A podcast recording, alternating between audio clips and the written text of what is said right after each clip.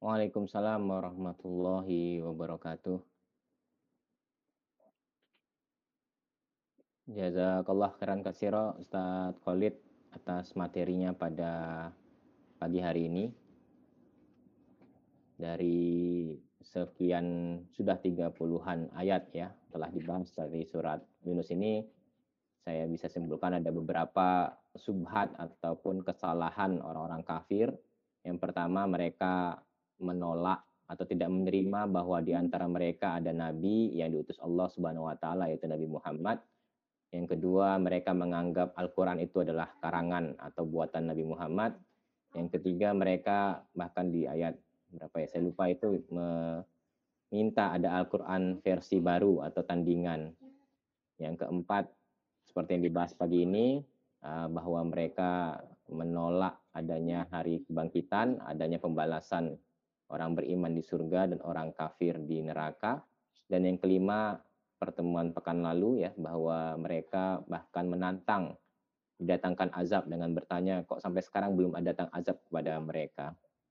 Inilah beberapa pembahasan yang bisa kami simpulkan dari beberapa ayat sepanjang pembahasan tafsir surat Yunus ini. Baik Ustadz, ini sudah ada beberapa pertanyaan yang sudah masuk di kolom pesan. Yang pertama, jika orang pernah berbuat maksiat, kemudian sudah bertaubat, dan sudah diterima, ini saya juga nggak tahu nih sudah diterimanya bagaimana. Apakah otomatis catatan di buku amal atas dosa tersebut hilang, terhapus, sehingga tidak akan ada azab baginya baik dunia maupun di akhirat. Jika benar sudah dihapus, berarti juga tidak akan ditunjukkan kepada kita di padang mahsyar besok akan maksiat-maksiat tersebut. Mohon tanggapannya Ustaz Jazakumullah. Ada satu hadis yang menjelaskan bahwa di hari akhir nanti itu hisab itu ada dua jenis ya. Jadi yang pertama ada hisaban yasiro, hisab yang mudah. Yaitu bagi orang-orang yang memang pada akhirnya menjadi ahli surga. Orang-orang mukmin yang akan menjadi ahli surga itu mereka akan dihisab dengan hisaban yasiro. Nah, sementara yang kedua itu bagi ahli neraka, orang yang pada akhirnya menjadi ahli neraka, apakah dia orang mukmin, apakah dia orang kafir ya, itu hisapnya detail, rinci. Gitu. Nah kata Rasulullah, eh, maknanya begini, jadi tidak ada seorang pun yang dihisap oleh Allah dengan detail, kecuali dia pasti akan celaka. Jadi artinya orang yang akan menjadi ahli neraka itu sudah muncul gejalanya sejak di mahsyar ya. Di mahsyar itu nanti akan dipisahkan ya. Siapa yang akan menerima kitabnya dari tangan arah tangan kanan, dari arah kanan dan siapa yang menerima kitab catatannya dari arah kiri. Nah, ini dari segi pembagian kitabnya ya. Nah, ini sudah mulai kelihatan ini. Nah, yang fa'amman utiya kitabahu biyaminihi orang yang menerima kitabnya dari arah kanannya, fahuwa fi isyadir. Dia akan berada dalam kehidupan yang diridhoi oleh Allah SWT. Jadi mereka akan hidup pada ini calon ahli surga. Tapi yang utia kita bahu biyaminihi, nah, yang diberikan kitabnya dari arah kirinya, maka ini akan menjadi orang-orang yang calon penghuni neraka. Gitu. Nah, nanti para calon penghuni surga ini fasaufa yuhasabu hisaban yasira. Dia akan dihisap dengan hisap yang mudah. Nah, ini digambarkan oleh Rasulullah bahwa para calon penghuni surga ini dia akan dipanggil oleh Allah kemudian akan dibukakan kitabnya secara sepintas. Nah, sehingga setiap dosa yang mungkin dia sudah beristighfar dan diampuni Allah, atau dosa-dosa yang lain yang sudah diampuni Allah, itu ditunjukkan oleh Allah. Tidak dihapus, ditunjukkan oleh Allah. Tetapi Allah mengatakan, aku sudah mengampuni secara sepintas cepat. Nah, kemudian segera diberikan, dipersilahkan dia menuju ke surga. Nah sebaliknya, bagi calon penghuni neraka, baik dia orang yang kafir maupun orang yang beriman tetapi amal solihnya masih kalah banyak dari kalah berat daripada amal buruknya mereka pengguna neraka mereka akan dihisap dengan detail dengan rinci ya. nah, dengan rinci sekali sehingga dibuka satu persatu ditunjukkan satu persatu dosa-dosanya kemaksiatan kemaksiatannya nah, dengan sangat rinci sehingga Rasulullah mengatakan tidak ada seseorang pun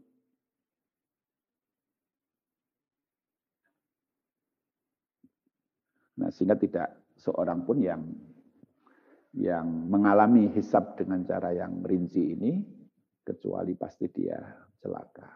Nah, itu kata Rasulullah begitu. Nah, tadi disampaikan ditanyakan tentang kalau orang sudah bertaubat dan dosa-dosanya sudah diampuni Allah, apakah itu dihapus tidak dihapus? Tapi sudah diberi catatan ya, nah, bahwa ini sudah diampuni oleh Allah dan tetap ditunjukkan kepada dia, walaupun secara sepintas, tidak secara sangat detail dan sangat rinci. Nah, saya kira itu yang yang terjadi sebagaimana yang dijelaskan oleh Rasulullah Sallallahu Alaihi Wasallam. Baik Ustaz. Pertanyaan berikutnya, apa benar dosa investasi itu ada? Saya pernah mendengar jika orang tua kita melakukan dosa dan tidak bertaubat, maka anaknya yang akan menanggungnya. Mungkin investasi warisan mungkin ya, dosa warisan. Eh, tidak ada. Tidak ada saat tidak ada. Jadi kalau di dalam Islam ini prinsip setiap orang itu bertanggung jawab terhadap amalnya sendiri. Ya. Nah, jadi kalau dia berdosa, ya dia bertanggung jawab terhadap dosanya, tidak diwariskan kepada yang lain. Nah, demikian pun kalau dia berbuat baik, ya dia akan mendapatkan balasan yang tidak diwariskan. Nah, tetapi ada amal-amal soleh yang dia akan terus mendapatkan kebaikannya, sebagaimana juga ada amal-amal buruk yang dia akan terus mendapatkan keburukannya. Sebagaimana Rasulullah mengatakan bahwa siapa pun yang beramal dengan amal kebaikan kemudian disebut sebagai sunnah hasanah ya.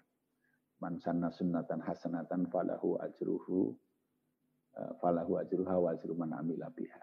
Jadi orang yang melakukan sunnah hasanah maka dia akan bisa mendapatkan pahala dari sunnah hasanahnya dan juga pahala dari orang-orang yang meniru sunnah hasanahnya. Nah, tetapi sebaliknya juga kalau ada orang yang berbuat buruk, sunnah sayyi'ah, maka falahu wizruha wa wizru man dia akan mendapatkan resiko dari amal buruknya itu dan juga dia menanggung keburukan dari semua orang yang meniru keburukan yang dia lakukan. Jadi bisa jadi ada orang yang berbuat buruk kemudian ditiru oleh anaknya, oleh generasi berikutnya. Nah, di situ bukan anaknya menanggung dosa orang tuanya, tetapi orang tuanya yang menanggung keburukan yang dilakukan oleh para hmm pengikutnya. Ya karena keburukan itu lahir dari contoh yang dia munculkan. Allah. Baik. Terima kasih Ustaz. Itu betapa pentingnya mendidik anak untuk bisa menjadi ini ya, pribadi yang dekat dengan Allah. Pertanyaan berikutnya Ustaz, eh, ada dosa yang kaitannya dengan Allah dan dengan bertobat diampuni dan juga ada dosa yang kaitannya dengan manusia. Apakah tradisi halal bihalal dengan meminta maaf sudah termasuk kategori bagian dari memberikan maaf kepada sesama? Gitu Ustaz.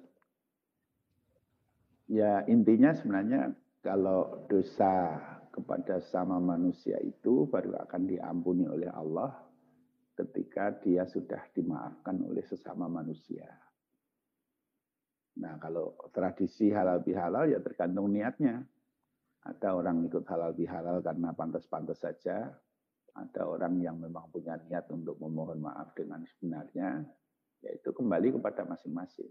Jadi tidak otomatis kalau sudah halal bihalal itu hilang semua gitu.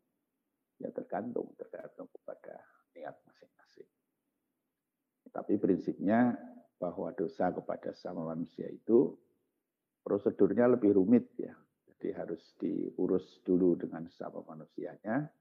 Kalau ada kedoliman-kedoliman harus dikembalikan dulu kedolimannya, baru kemudian nanti diurus untuk memohon ampun kepada Allah. Karena sebenarnya kedoliman kepada sama manusia itu adalah dosa juga kepada Allah karena dia merupakan pelanggaran terhadap ketentuan Allah. Terima kasih Ustaz. Berikutnya di grup WA ada teman yang tidak selektif mengcopy paste doa innalillahi rujiun sampai kepada Allah lahu dan seterusnya. Untuk orang yang mendengar untuk orang yang meninggal, orang kafir yang meninggal. Padahal kita kan dilarang memintakan ampun pada orang kafir. Baiknya bagaimana cara memberitahu mereka kepada orang tersebut yang tidak tahu larangan hal ini.